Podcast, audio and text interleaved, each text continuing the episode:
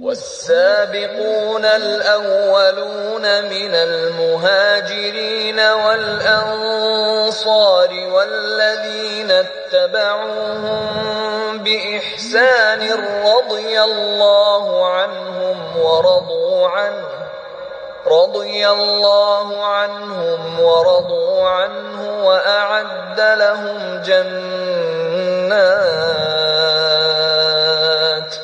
وأعد لهم جنات تجري تحتها الأنهار خالدين فيها أبدا.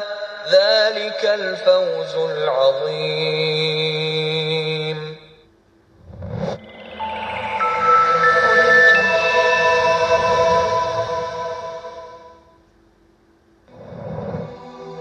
Jangan hina sahabat-sahabatmu.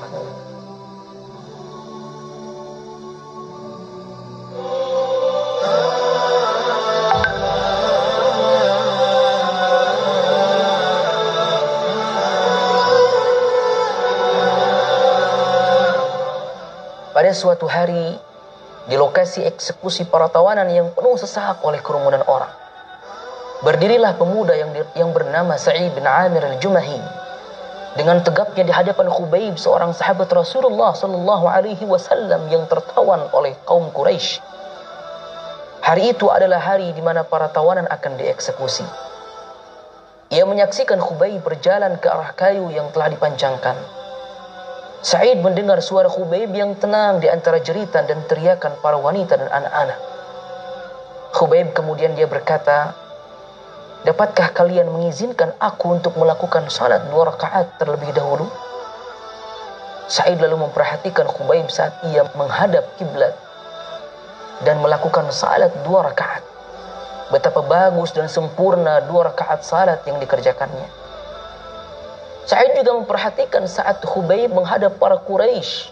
Seraya berkata, Demi Allah, kalau kalian tidak menduga bahwa aku akan memperpanjang salat karena merasa takut mati, pasti aku akan memperbanyak bilangan salat tadi.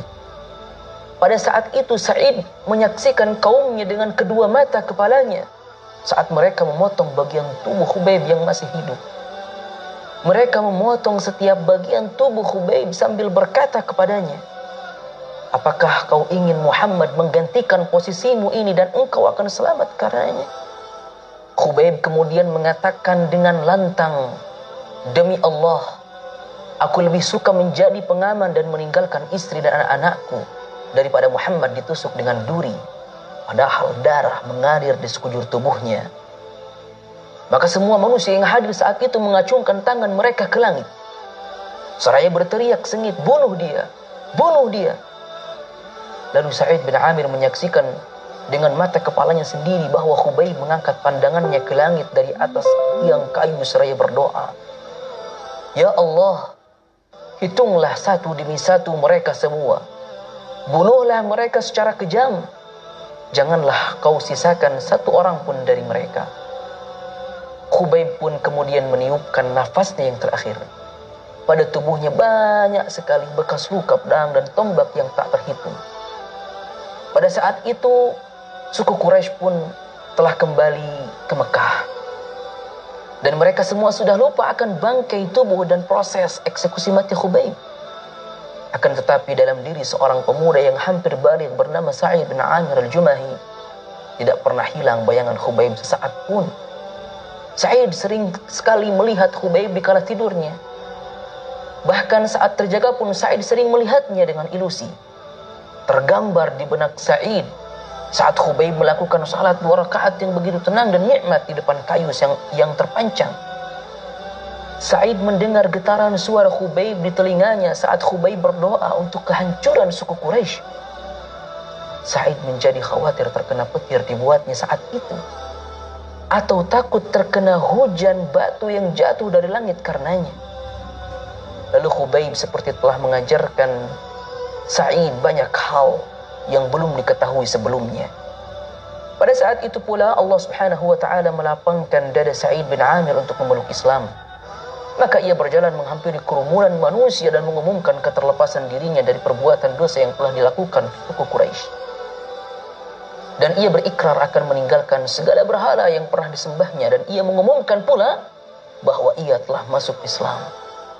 Setelah Nabi Shallallahu Alaihi Wasallam kembali ke hariban Allah Subhanahu Wa Taala, Sa'id menjadi pedang terhunus bagi khalifah pengganti Rasul yaitu Abu Bakar dan Umar radhiyallahu taala anhuma. Dan ia menjadi contoh terbaik bagi orang yang beriman, yang berniat membeli kehidupan akhirat dengan dunianya. Ia rela mendahulukan Allah dan pahala yang akan diberikan daripada semua keinginan nafsu syahwat badannya. Kedua khalifah Rasulullah sallallahu alaihi wasallam mengetahui dengan baik kebenaran dan ketakwaan yang dimiliki oleh Sa'id. Mereka berdua sering mendengarkan dengan serius setiap nasihat dan ucapan Sa'id. Contohnya adalah saat Umar baru menjadi khalifah. Sa'id mendatangi Umar dan berkata, Wahai Umar, Aku berwasiat kepadamu agar engkau takut kepada Allah dalam urusan manusia. Dan janganlah engkau takut kepada manusia dalam urusan Allah. Ucapanmu jangan pernah menyalahi perbuatanmu. Sebab ucapan yang terbaik adalah yang dibenarkan oleh perbuatan. Wahai Umar, perhatikanlah dengan baik orang yang telah Allah percayakan kepadamu urusannya dari kalangan kaum muslimin.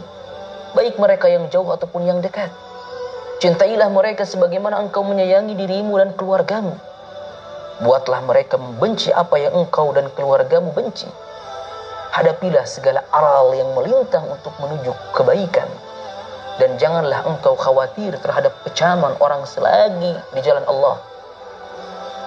Umar pun bertanya, siapa yang mampu melakukan itu wahai Sa'id? Kemudian Sa'id mengatakan, yang mampu melakukan itu adalah orang sepertimu yang telah diberikan Allah kepercayaan untuk mengurusi permasalahan umat Muhammad yang mana tidak ada lagi perantara antara engkau dengan Allah sejurus kemudian Umar mengajak Sa'id untuk menjadi salah seorang pembantunya seraya mengatakan wahai Sa'id kami mengangkatmu menjadi gubernur daerah Hims Sa'id menjawab wahai Umar demi Allah janganlah engkau menimpakan fitnah kepada aku. Umar kemudian pada saat itu menjadi berang, marah dan mengatakan celaka kalian. Kalian meletakkan kepemimpinan ini di leherku kemudian kalian mau lepas tangan dariku. Demi Allah, aku tidak akan membiarkanmu. Kemudian Umar mengangkat Sa'id menjadi gubernur daerah Hims seraya bertanya, "Bolehkah kami menentukan gaji buatmu?"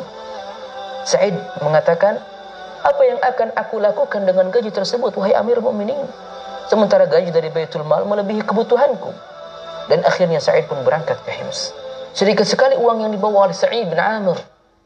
Hingga suatu saat datang beberapa orang dari penduduk Hims yang dipercaya oleh Amir Mu'minin. Amir Mu'minin berkata kepada mereka, Tuliskan nama-nama orang miskin kalian sehingga dapat aku cukupkan kebutuhannya. Akhirnya mereka pun melaporkan data yang mereka miliki. Di dalamnya terdapat nama fulan, fulan. Dan ternyata nama Sa'id bin Amir tertulis di dalam daftar orang-orang miskin tersebut. Umar kemudian bertanya kepada mereka, siapakah Sa'id bin Amir ini? Dia adalah pemimpin kami.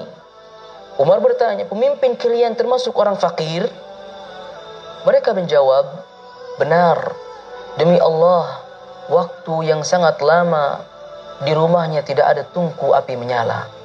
Maka meledaklah tangis Umar hingga air matanya membasahi janggut. Kemudian beliau mengumpulkan uang sebanyak seribu dinar dan ditaruhnya dalam sebuah ikatan. Seraya berkata, sampaikanlah salamku padanya dan katakan padanya bahwa Amirul Mukminin mengirimkan uang ini untukmu agar semua kebutuhanmu tercukupi. Datanglah utusan tadi kepada Sa'id dengan barang bawaannya. Said melihat bungkusan itu dan ternyata di dalamnya terdapat banyak uang dinar. Ia menoraknya. Seraya berkata, Inna lillahi wa inna ilaihi raji'un. Seolah ia terkena musibah. Lalu datanglah istrinya sambil bertanya, ada apa Sa'id? Ada apa Sa'id? Apakah Amir Mukminin telah wafat? Sa'id menjawab bahkan lebih dahsyat dari itu. Istrinya kemudian bertanya lagi, apa yang lebih dahsyat dari itu? Ia menjawab, dunia sudah merasuki diriku untuk merusak akhiratku. Dan kini fitnah sudah menyebar di rumahku. Istrinya berkata, kalau begitu campakkan saja hal itu. Padahal istrinya tidak tahu tentang uang dinar tadi. Said bertanya, maukah kamu menolongku untuk melakukannya? Istri menjawab, ya. Maka Said mengambil uang dinar tadi dan ia membaginya dalam beberapa bungkusan. Kemudian ia membagikan kepada kaum muslimin yang fakir. Tidak lama berselang, datanglah Umar radhiyallahu taala ke beberapa daerah di Syam untuk memeriksa kondisi penduduknya. Saat ia tiba di Hims, beberapa penduduk menghampiri Umar untuk memberikan sambutan terhadapnya. Umar lalu bertanya kepada mereka, bagaimana pendapat kalian tentang pemimpin di sini? Mereka mengadukan keluhan kepada Umar dan mereka menyebutkan empat kekurangan pemimpin mereka. Setiap satu masalah lebih besar dari yang lainnya. Umar kemudian berkisah maka aku pun mengumpulkan pemimpin mereka yaitu Sa'id bin Amir dengan orang-orang tadi. Dan aku berdoa kepada Allah agar dugaanku tidak dibuat salah. Karena aku menaruh kepercayaan besar kepada Sa'id. Akhirnya saat mereka dan pemimpinnya sudah tiba menghadapku, aku bertanya, apa yang kalian keluhkan dari pemimpin kalian? Mereka menjawab, ia tidak keluar bekerja sehingga hari sudah amat siang. Aku bertanya, apa komentarmu dalam hal ini wahai Sa'id? Ia terdiam sejenak lalu berkata, Demi Allah, tadinya aku tidak mau mengatakan hal ini. Namun karena ini harus disampaikan, maka aku pun akan menceritakannya. Aku tidak punya pembantu di rumah. Setiap kali aku bangun di pagi hari, maka aku pun harus menumbuk gandum buat keluargaku. Kemudian aku harus mengaduknya dengan perlahan sehingga ia mengembang. Lalu aku buatkan roti untuk keluargaku. Kemudian aku berwudu dan keluar untuk mengurusi urusan rakyat. Umar kemudian bertanya, lalu apa lagi yang kalian keluhkan terhadapnya? Mereka menjawab, ia tidak mau melayani seorang pun pada waktu malam. Umar bertanya, apa komentarmu dalam hal ini, wahai Sa'id? Ia menjawab, demi Allah, sungguh aku juga sungkan untuk menceritakan hal ini. Aku telah membagi waktu siangku untuk berkhidmat dalam urusan mereka dan waktu malamku untuk Allah Subhanahu wa taala. Umar bertanya lagi, apalagi yang kalian keluhkan darinya? Mereka menjawab, ada satu hari dalam sebulan di mana ia tidak keluar untuk mengurusi kami. Umar bertanya, apa maksudnya ini wahai Sa'id? Ia menjawab, Aku tidak memiliki pembantu, wahai Amirul Mukminin. Dan aku tidak memiliki baju kecuali yang sedang aku pakai ini. Aku mencucinya sebulan sekali dan aku menunggunya hingga ia kering. Dan pada penghujung hari, baru aku dapat keluar menemui mereka. Umar bertanya lagi, apalagi yang kalian keluhkan darinya? Mereka menjawab, sering kali ia kehilangan kesadaran. Sehingga ia tidak mengenali orang yang berada di sekelilingnya. Umar bertanya, apa maksudnya hal ini wahai Sa'id? Ia kemudian menjawab dengan suara yang lirih. Aku menyaksikan pembunuhan Khubayb bin Adi. Pada saat itu aku musyrik. Dan aku melihat para penduduk Quraisy memotong jasadnya dan mereka bertanya kepada Khubayb, apakah kau ingin Muhammad menggantikanmu di sini? Ia kemudian menjawab, demi Allah, demi Allah, Aku lebih suka menjadi pengaman dan meninggalkan istri dan anakku daripada Muhammad ditusuk dengan duri. Dan aku selalu teringat akan hari itu. Dan mengapa aku tidak menolongnya sehingga aku menduga bahwa Allah tidak mengampuniku. Maka aku pun hilang kesadaran karenanya. Saat itu Umar langsung berkata, Segala puji bagi Allah yang telah membuat dugaanku kepadanya tidak rusak. Kemudian Umar mengirimkan seribu dinar untuknya agar dapat memenuhi segala kebutuhannya. Begitu istri Sa'id melihat uang tersebut, maka ia berkata, Segala puji bagi Allah yang telah mencukupkan kami lewat khidmat yang kau berikan. Berilah segala kebutuhan hidup kita dan carilah seorang yang mau diupah sebagai pembantu. Sa'id berkata kepada istrinya, apakah kau punya sesuatu yang lebih baik dari itu? Istrinya pun bertanya, apakah itu? Sa'id mengatakan, kita kembalikan lagi kepada orang yang membawanya dan hal itu lebih kita butuhkan. Istrinya bertanya lagi, apakah itu? kita pinjamkan uang tersebut kepada Allah sebagai pinjaman yang baik.